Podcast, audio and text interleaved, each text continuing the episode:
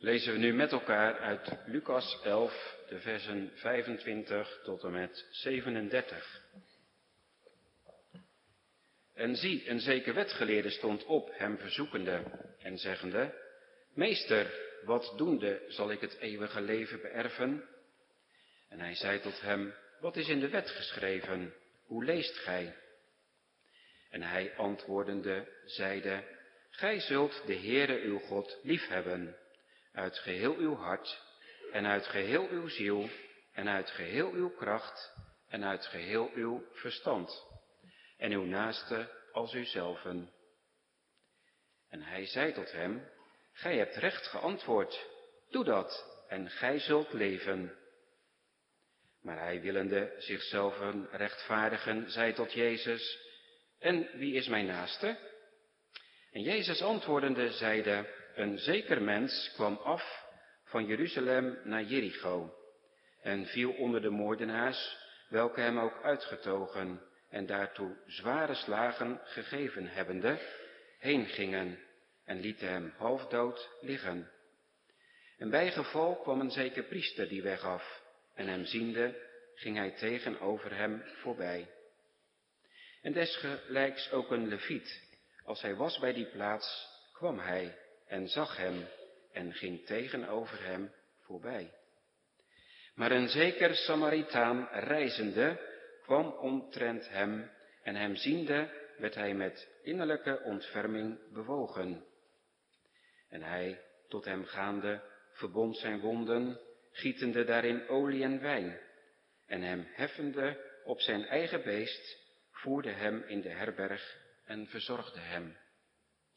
En des anderen daags weggaande, langde hij twee penningen uit en gaf ze de waard en zei tot hem, draag, zorg voor hem, en zo wat gij meer aan hem ten koste zult leggen, dat zal ik u wedergeven als ik wederkom.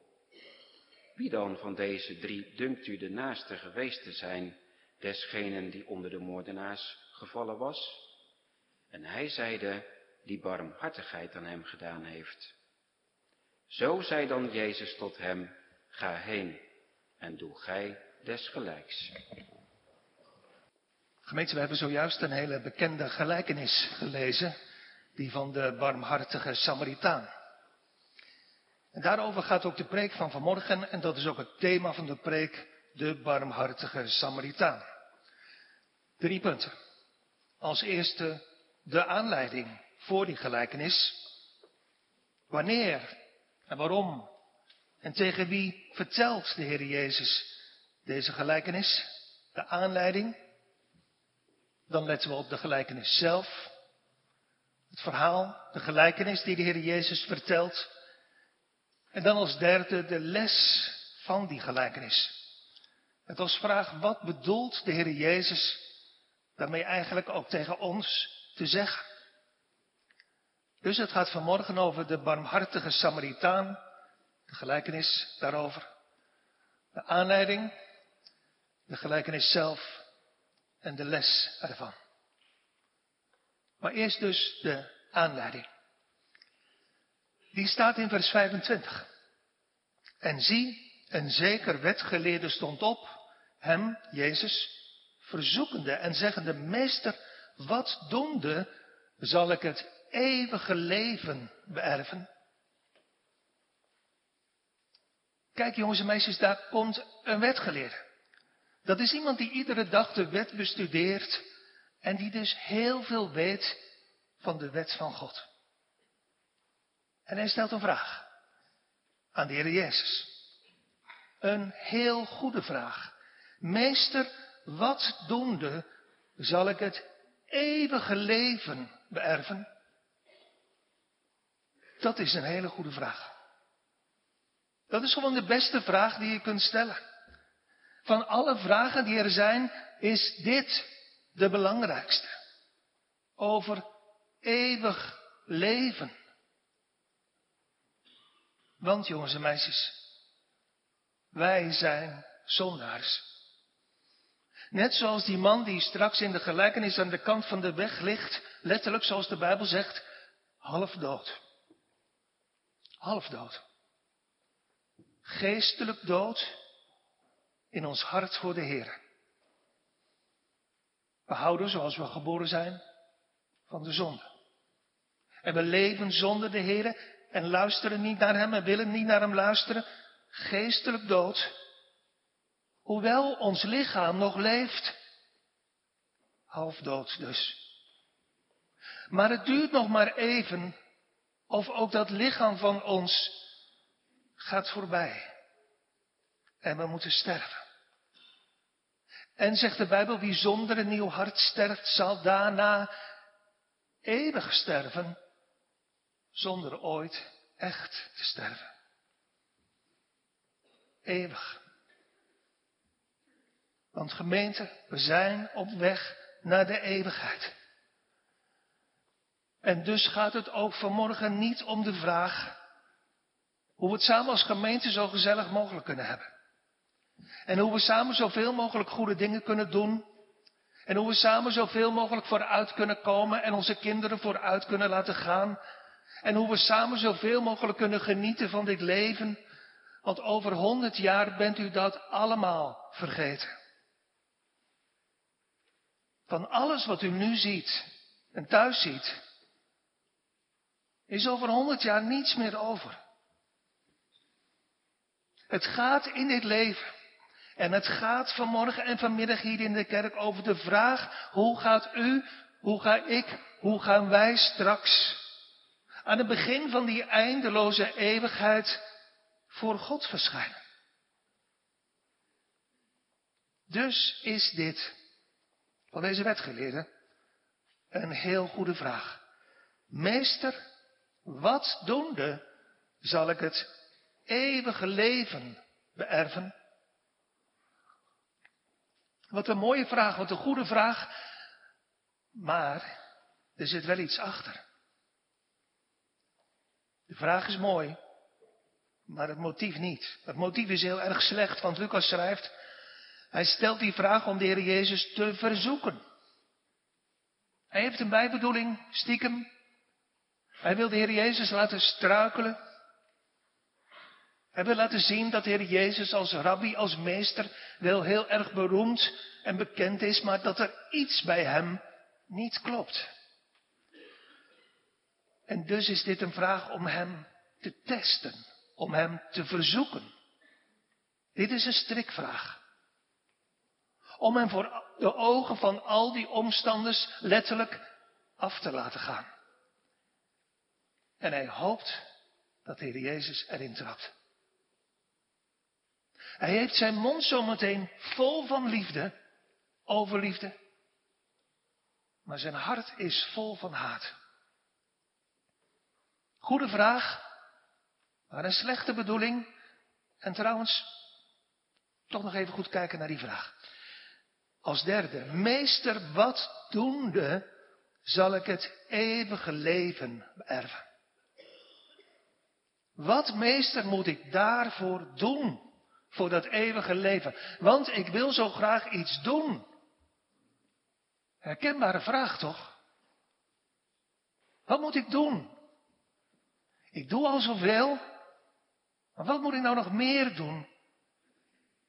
Wilt u alstublieft wat praktische tips geven om te doen, om meer te doen, om heilig te worden?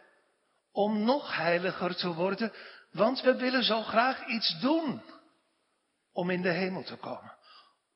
Om, goed lezen, om de hemel te beërven. Maar voelt u dat nou ook met me mee, dat, dat dit niet helemaal klopt? Om de hemel te beërven, want een erfenis krijg je toch als je kind bent. Van je vader en moeder als die overlijden. Een erfenis krijg je niet als vreemde omdat je iets gedaan, omdat je iets gepresteerd hebt. Die krijg je omdat je kind bent. Omdat je vader en moeder zoveel van je hielden. Midden in deze mooie vraag is er dus sprake van een fatale misrekening. Zoals zoveel mensen zich ook nu fataal misrekenen. alsof hun doen, alsof hun prestaties geteld zullen worden. Straks aan het begin van de eindeloze eeuwigheid.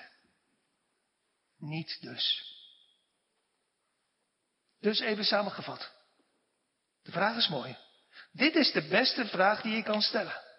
Want het gaat in dit leven en het gaat in de kerk ook vanmorgen en vanmiddag om eeuwig leven. Maar dat was het tweede.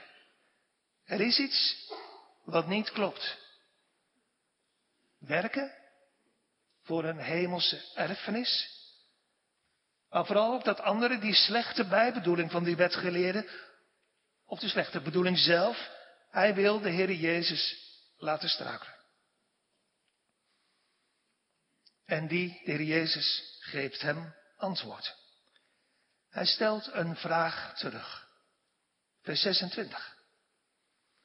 En hij zeide tot hem, wat is in de wet geschreven? Hoe leest u? Dus hij wijst die wetgeleerde terug naar de Bijbel. Die wetgeleerde die denkt dat de Heer Jezus iets nieuws, een nieuwe leer verkondigt. Maar de Heer Jezus zegt als het ware, man, ik preek helemaal niet iets nieuws. En dus wijst hij hem terug naar de Bijbel, naar het Oude Testament, naar de boeken van Mozes. Naar de wet van Mozes. Waar sinds de komst van de Heer Jezus niets aan veranderd is. Nou, de wet, die kan die wetgeleerde wel dromen. Hij schudt hem zonder problemen uit zijn mouw in vers 27.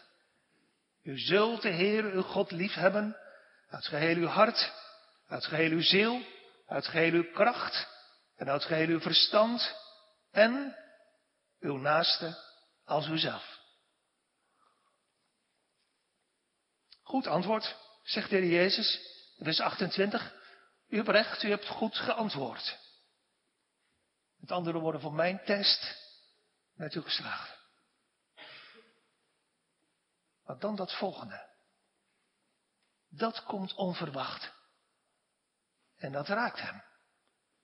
Doe dat en u zult leven. Nu gaat niet de Jezus, maar nu gaat deze wetgeleerde door de mand vallen. En wij misschien ook wel met hem. Want Heer Jezus staat in het woord vanmorgen ook voor mij en voor jou en voor u. En zegt, je wilt zo graag doen, je wilt zo graag praktische tips. Doe dat dan. Die wet die zojuist is voorgelezen, de wet van God. Houd die wet dan, dan zult u leven. Eeuwig leven. Wat zegt u daarop? En wat is jullie antwoord, jongelui, op wat de Heer hier zegt? Doe dat, die wet van God, dan zult u leven. Wat is uw antwoord? Denk er even over na. Er zijn twee mogelijkheden. Als je een beetje zelfkennis zou hebben en je eigen hart een klein beetje zou kennen, zou je als reactie op dit diep schamen en buigen. Je zou zonder twijfel zeggen, Heer, maar als dat zo is, als dat de weg naar de hemel is, dan ben ik verloren. Dan kom ik er nooit. Dan ben ik ten dode opgeschreven, want dat kan ik niet. Ik kan de wet niet houden. Dat is het eerste antwoord. Of je zegt wat hij zegt en je doet wat hij doet. Hij schaamt zich helemaal niet. Hij buigt zich niet. Hij recht zijn rug en steekt zijn borst vooruit. En vers 29. Hij willende zichzelf rechtvaardigen. Aan dat eerste, wat hij zelf gezegd heeft. God liefhebben boven alles, dat valt op. Daaraan gaat hij helemaal voorbij.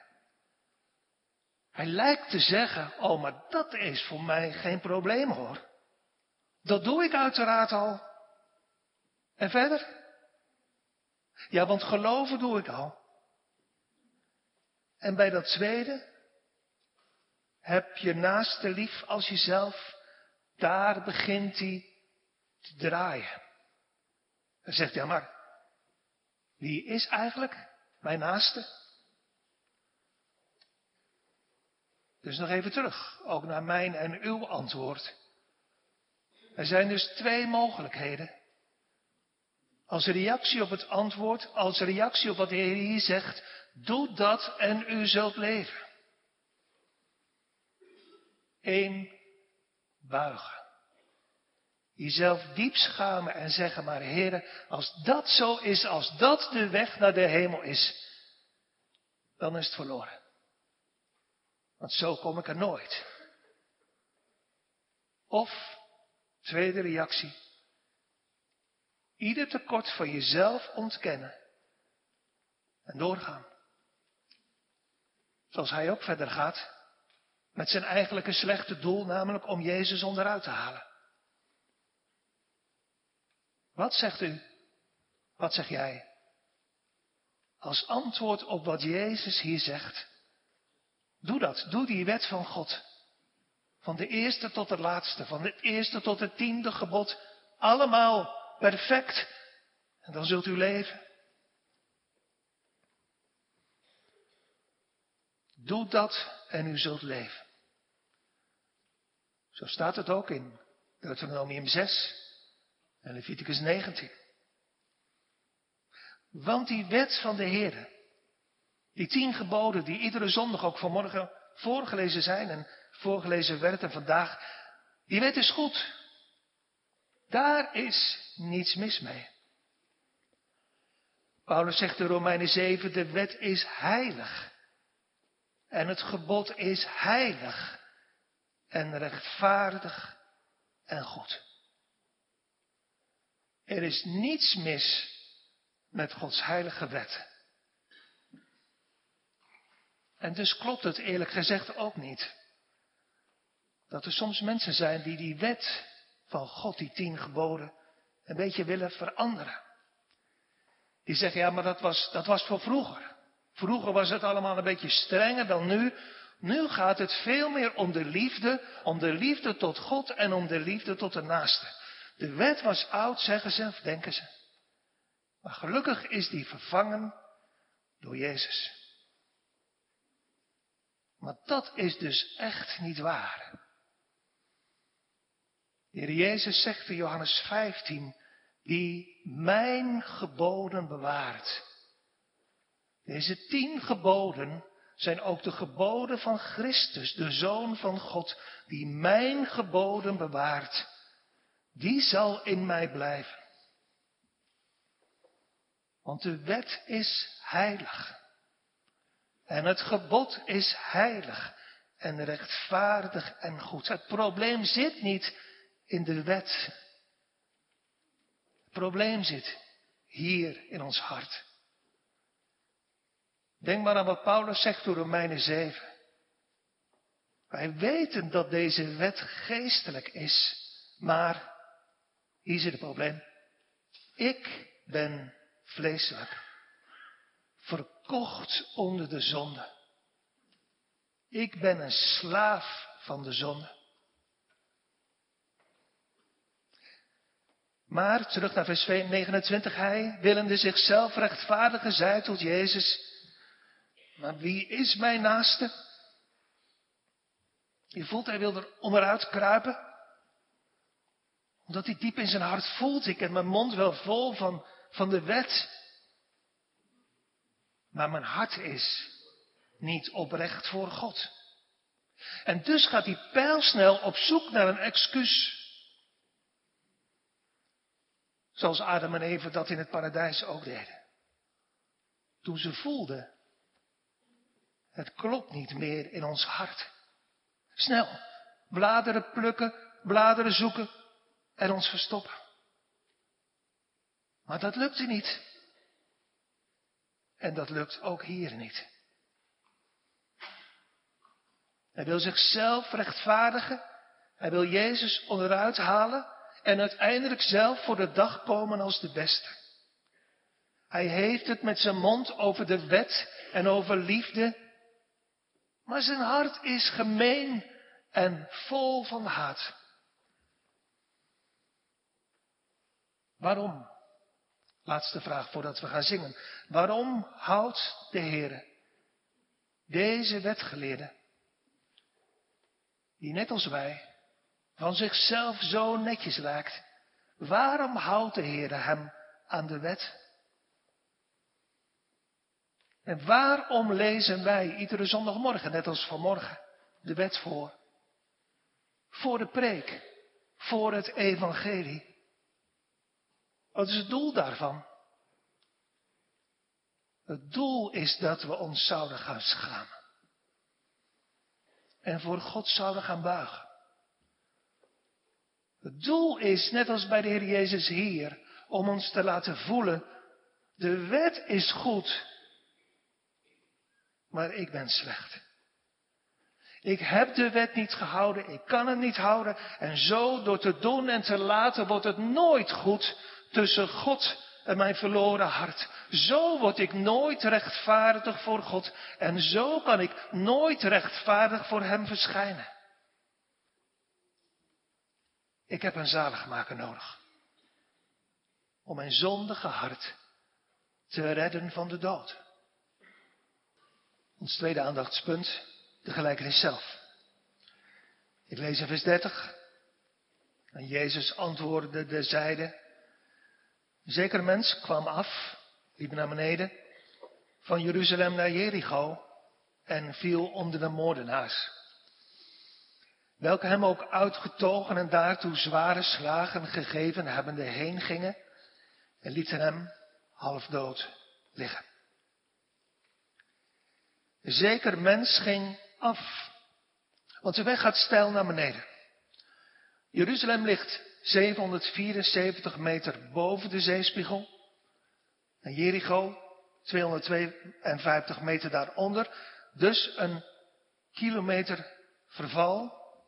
De weg gaat steil naar beneden van Jeruzalem naar Jericho. Ruige weg. Links en rechts zijn rotsen. En in die rotsen holen, gaten, grotten. En dus, jongens en meisjes, zijn dat donkere schuilplaatsen voor rovers. En ineens wordt hij ook gepakt. Ze hem bont en blauw, pakken hem alles af en laten hem half dood, zwaar gewond aan de kant van de weg liggen. En weg zijn ze weer.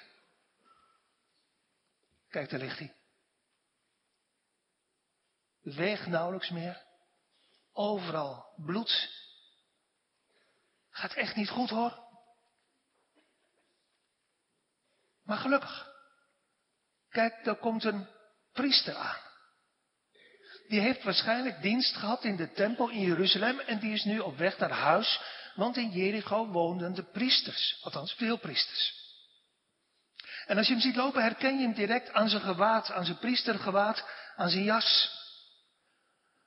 Maar hij loopt met een grote boog om die man heen. Hij kijkt niet eens. Hij stopt niet eens.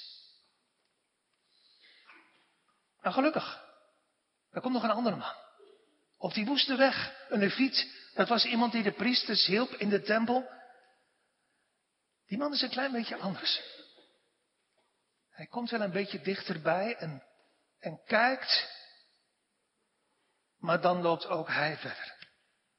En laat die man toch liggen. Daar ligt die man. Dat gaat niet goed hoor. Is er dan, is er dan niemand die voor hem wil zorgen? Maar kijk, er komt nog iemand. Waarschijnlijk op een ezel. Iemand uit Samaria, zo heette die stad, een Samaritaan. De Joden hielden niet van die mensen. die haten ze. Maar als hij die zwaar gewonde man ziet aan de kant van de weg, midden in al dat bloed, dan, dan raakt dat zijn hart. Er staat in vers 33, hij werd met innerlijke ontferming bewogen. Met barmhartigheid bewogen. Moeilijke uitdrukking, jongens en meisjes, maar het is wel belangrijk dat je weet wat de Bijbel daarmee bedoelt. En ik hoop dat je het onthoudt en ook nooit meer gaat vergeten. Wat dit betekent. Met innerlijke ontferming bewogen. Met barmhartigheid bewogen. Stel je voor, je bent op weg naar school. Je fietst lekker. Het is mooi weer buiten. En ineens denk je, zag ik nou wat bewegen aan de kant van de weg? Je gooit je fiets in het gras of op de stoep en je loopt terug. En je kijkt. Ah nee. Een eend. Je weet wel zo'n beest wat in het water zwemt. Een eend. Bloed aan zijn kop. En hij hapt. Hij hapt met zijn snavel. Hij leeft gelukkig nog wel, maar, maar hij is echt half dood. En dan gebeurt er iets. Niet met je eend, maar met jou. Je krijgt misschien wel een traantje in je ogen. Maar vooral je hart, je innerlijk wordt, wordt warm. Je wordt innerlijk, je komt in beweging, je wordt innerlijk bewogen. Je denkt dat beestje, dat moet ik helpen. Hij is half dood, straks gaat hij helemaal dood. En vanaf dat moment doe je wat je kunt. Je gaat niet naar school, de juf die wacht wel. Je pakt het eentje en je gaat ermee naar huis, want je moet hem helpen. Je raakt innerlijk met ontferming bewogen. Je hart wordt warm, je hart gaat branden van, en dat noemt de Bijbel, barmhartigheid. Mooi hè, dat de Heer ons zo gemaakt heeft. Innerlijk met ontferming bewogen. Met een warm, brandend hart om te helpen. En zo is het ook bij deze Samaritaan. Hij is, en dan komt het, innerlijk met ontferming bewogen. Hij weet dat het gevaarlijk is. Misschien zit hij die rovers daar nog wel ergens in een van die grotten. Misschien wordt hij wel ziek van al dat bloed. En hij weet dat dit echt heel veel tijd gaat kosten. En hij weet en hij ziet, dit is een Jood, een Israëliet, die misschien wel heel veel hekel aan hem als Samaritaan heeft. En hij weet, dit gaat hem ook heel veel geld kosten. Begint gelijk al, hij giet olie, zalf in zijn wonden en wijn om de wond te desinfecteren. Maar hij doet het toch. Hij stapt van zijn ezel af, tilt die man op en legt hem op zijn ezel. Hij gaat zelf lopend ernaast op weg naar de herberg. En daar verzorgt hij hem nog verder. Het is wel jammer tot hij de volgende dag alweer weg moet. Hij moet doorreizen, misschien wel op een zakenreis. Maar hij geeft, geeft de baas van die herberg, van dat kleine hotel, twee penningen, twee denariën, twee munten. Het geld waar je twee dagen voor moest werken. Dus zeg maar 250, 300 euro. Voor een vreemde man. Ja. En hij zegt tegen die baas van de herberg, zorg goed voor hem. Als het meer kost, krijg je het later van me terug. Wat de Heer Jezus eigenlijk doet, is dit. Hij laat die wetgeleerde met wie hij in gesprek is, iemand zien die niet zijn mond vol heeft over de wet, maar die die wet ook echt in de praktijk brengt. Hij heeft oog voor echte nood. Die Samaritaan heeft diep medelijden, innerlijk met ontferming bewogen, diep medelijden met die man die daar in het bloed aan de kant van de weg ligt. En hij neemt zelfs risico's. Zou hij niet ziek kunnen worden van al dat bloed? En zouden de rovers hem zometeen ook niet pakken?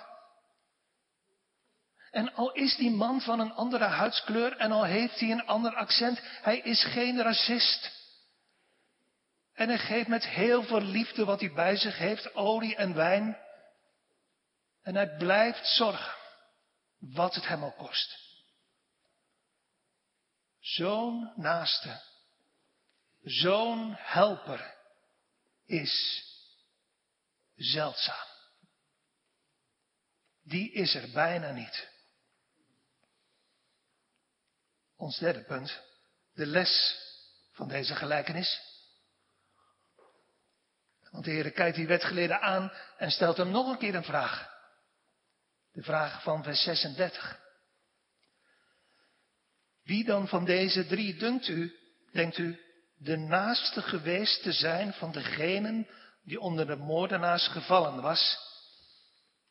En hij die wetgeleerde zei vers 37, die barmhartigheid aan hem gedaan heeft. Zo zeide dan Jezus tot hem, ga heen en, weer opnieuw, doe des gelijks. Ga heen en doe dat. Weer datzelfde. Doe dat. Eerst ging het om het principe. Toen zei de Heer, doe dat en u zult leven. En nu gaat het om de praktijk en nu zegt hij weer, doe dat. Als je dit kan en dit doet, dan zal je leven, eeuwig leven. Het is de boodschap die miljoenen mensen in deze wereld iedere dag horen. Van het boeddhisme, van het hindoeïsme, van het rooms-katholicisme. En een boodschap die ook duizenden mensen zelf denken te lezen in hun eigen Bijbel. Als, als wegwijzer naar de hemel, naar dat eeuwige leven. Maar dan heb je het verkeerd begrepen. Dan heb je het verkeerd gelezen. Dan heb je het niet gesnapt. Want het doel van de wet, van wat Jezus hier zegt en als voorbeeld beschrijft, is niet dat je je stinkende best zou gaan doen, maar het doel ook hiervan is dat je je zou gaan schamen en je hoofd zou gaan buigen en zeggen, Heer, maar dat kan ik ook niet. Als dat ook de weg is, dan ben ik alsnog verloren. Dat is de bedoeling van de Heer. Dat zie je ook in de vraag die de Heer Jezus aan die wetgeleerde stelt. De wetgeleerde vroeg hiervoor, wie is mijn naaste? Wie moet ik eigenlijk lief hebben? Wat moet ik eigenlijk aan goede werken doen? Voor wie moet ik eigenlijk zorgen? Wie is de patiënt? Als je goed leest, draait de Heer Jezus het om. Hij stelt de vraag terug, maar zegt niet wie is uw naaste, maar wie is de naaste van die zwaar gewonde man? Dus met andere woorden, die man, die halfdode man, werd geleerde, dat bent u. Je denkt dat je de hulpverlener, de dokter moet zijn. Je denkt dat je iets moet doen en meer moet doen. Maar je vergist je. Je bent de patiënt, dodelijk verwond. En, en wie helpt u nou? En wie helpt u nou? Dat is Gods boodschap in deze gelijkenis. Voor mij, voor jou, voor u. Je denkt wel, werd geleerde, terwijl je voor mij staat, dat je goede werken moet doen om de hemel te beërven. En je denkt wel dat als je iedere zondag wat praktische tips krijgt, dat je weer een stukje verder komt. En je denkt wel dat je moet doen en dat je moet helpen en moet zorgen. Je denkt dat je de hulpverlener, de verpleegkundige, de dokter bent, maar je vergist je. Ik, Jezus, ben de dokter. Ik ben de helper. En u en jij de patiënt. Half dood, liggend aan de weg. Verloren. Hoe vroom je er ook uitziet. En hoeveel je ook lijkt te doen. Ten dode opgeschreven. En nu staat u wetgeleerde. En nu staat u voor mij, zegt de Heer Jezus, de echte naaste, de echte barmhartige. Ik, Christus, heb echt oog voor uw nood. Ik ben naar deze zondige wereld gekomen. In gevaar van mensen, in gevaar van de duivel. Ik maak geen onderscheid, geen verschil. Ik heb oog voor iedereen. Ik zoek het verloren. En ik wil met liefde voor u zorgen. Ik wil echt alles voor u doen. Wat het mij, Christus, ook kost. Het heeft me zelfs mijn leven gekost. Toen ik vrijwillig, voor mensen zoals u en ik, mezelf liet vallen in de handen van de moordenaars. Zo stond ik, de Heer Jezus Christus, al zo vaak voor u. En nu vanmorgen weer. Biddend, alstublieft, laat me toch alles doen. Want u kunt het niet meer. Maar als ik het doe, dan zult u eeuwig leven krijgen. Niet verdienen door te presteren, maar uit genade krijgen. Wat zegt u als antwoord? Wat zeg jij? O God, wees me zondaar dan genadig. Lieve mensen, is, de, is het leven van deze wetgeleerde misschien wel een tekening ook van uw leven? Zo vraag ik u. U wilt doen. U wil zo graag tips ook horen van mij hier vanaf de preekstoel. Om nog beter te worden. En u praat er ook over met elkaar. Hoe kunnen we toch proberen om beter te doen? Maar lieve mensen, u hebt de wet verkeerd begrepen. Daar is de wet nooit voor bedoeld geweest. De wet wil mij en u vernederen. De wet wil ons aan de voeten van de Heer brengen, omdat u het zelf niet kunt. Je zou er trouwens ook moe van worden, nietwaar? Toch, van al dat doen, van al dat proberen. Wetgeleerden hier in Capelle Bieselingen. Word je niet moe van al dat werken? Zondags jullie deze wet aan uw laars lapt, word je ook niet moe van al die zonden. Kom tot mij, zegt de Heer Jezus. U die vermoeid en belast bent, dan zal ik u rust geven. Rust door olie en wijn te gieten in uw wonden. Rust door je op te rapen van de kant van de weg Rust door, door de prijs van mijn leven en van mijn hart voor je uit te tellen. Want mijn hart, daar gaat het om, het hart van Christus, brandt van ontferming om het verlorene te redden van de dood. Jongens en meisjes, misschien denk je ook wel bij jezelf, ik moet heel veel goede dingen doen. Ik moet echt heel, mijn best, heel erg mijn best doen om goed te worden en om beter te worden. Maar luister nou eens, je bent net als die zwaargewonde man aan de kant van de weg. Die kon zelf ook niets doen. Maar nu komt er vanmorgen iemand bij je langs. Die je wil helpen.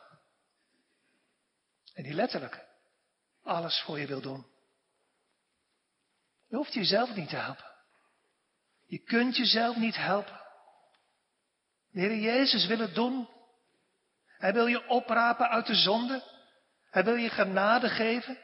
Hij wil je een nieuw hart geven en al je zonden vergeven. Als je het aan Hem vraagt, dan zal Hij het aan je geven. Terug naar die wetgeleerde. De Heer stelt hem namelijk nog een laatste vraag. Wie dan van deze drie dunkt u de naaste geweest te zijn van degene die onder de moordenaars gevallen was? Moeilijke vraag als je erover nadenkt, maar hij snapt hem en geeft een beetje knorrig antwoord. Die barmhartigheid aan hem gedaan heeft. Hij was toch zo druk met het liefhebben van zijn naaste. Maar kijk nou, hij heeft zo'n hekel aan de Samaritanen, dat hij me niet eens wil noemen. We kunnen ook nu, gemeente, geldt ook voor mij, onze mond vol hebben met alles doen en willen doen uit liefde tot God en tot de naaste, maar wat blijkt hier in mijn hart en waarschijnlijk ook in uw hart, hier zit wat anders. We houden vooral van onszelf. En dat doet hij ook. Maar zijn antwoord heeft, zonder dat hij daar eigenlijk zelf erg in heeft, wel iets moois. Wie was de naaste, vraagt de Jezus. Antwoord, hij die barmhartigheid aan die man gedaan heeft. Precies, wetgeleerde. Daar gaat het om. Het gaat om barmhartigheid. Weet je nog, jongens en meisjes, wat het was? Dat brandende hart van liefde en medelijden. Het gaat om de barmhartigheid van de man die voor hem staat.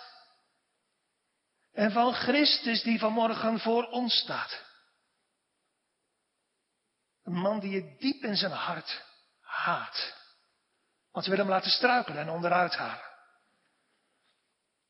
Maar van die haat wordt Jezus niet minder barmhartig. Hij is zonder twijfel ook innerlijk bewogen met deze wetgeleerde. En zo ook met u en met jou. Jongens en meisjes, geliefde gemeente, laat u toch helpen door deze barmhartige Heere Jezus. Laat u toch oprapen van de kant van de weg. Laat uw wonden toch verzorgen. En laat u toch dragen in zijn armen. Want Christus is innerlijk bewogen met het verlorene. Met zondaars die hem haten. En die denken dat ze het zelf wel kunnen doen. Geef alsjeblieft nou maar uiterlijk toe dat je half dood aan de kant van de weg ligt. Dat je alles kwijt bent. Dat je bloed uit duizend wonden. Dat je ten dode bent opgeschreven. Dat je in levensgevaren bent.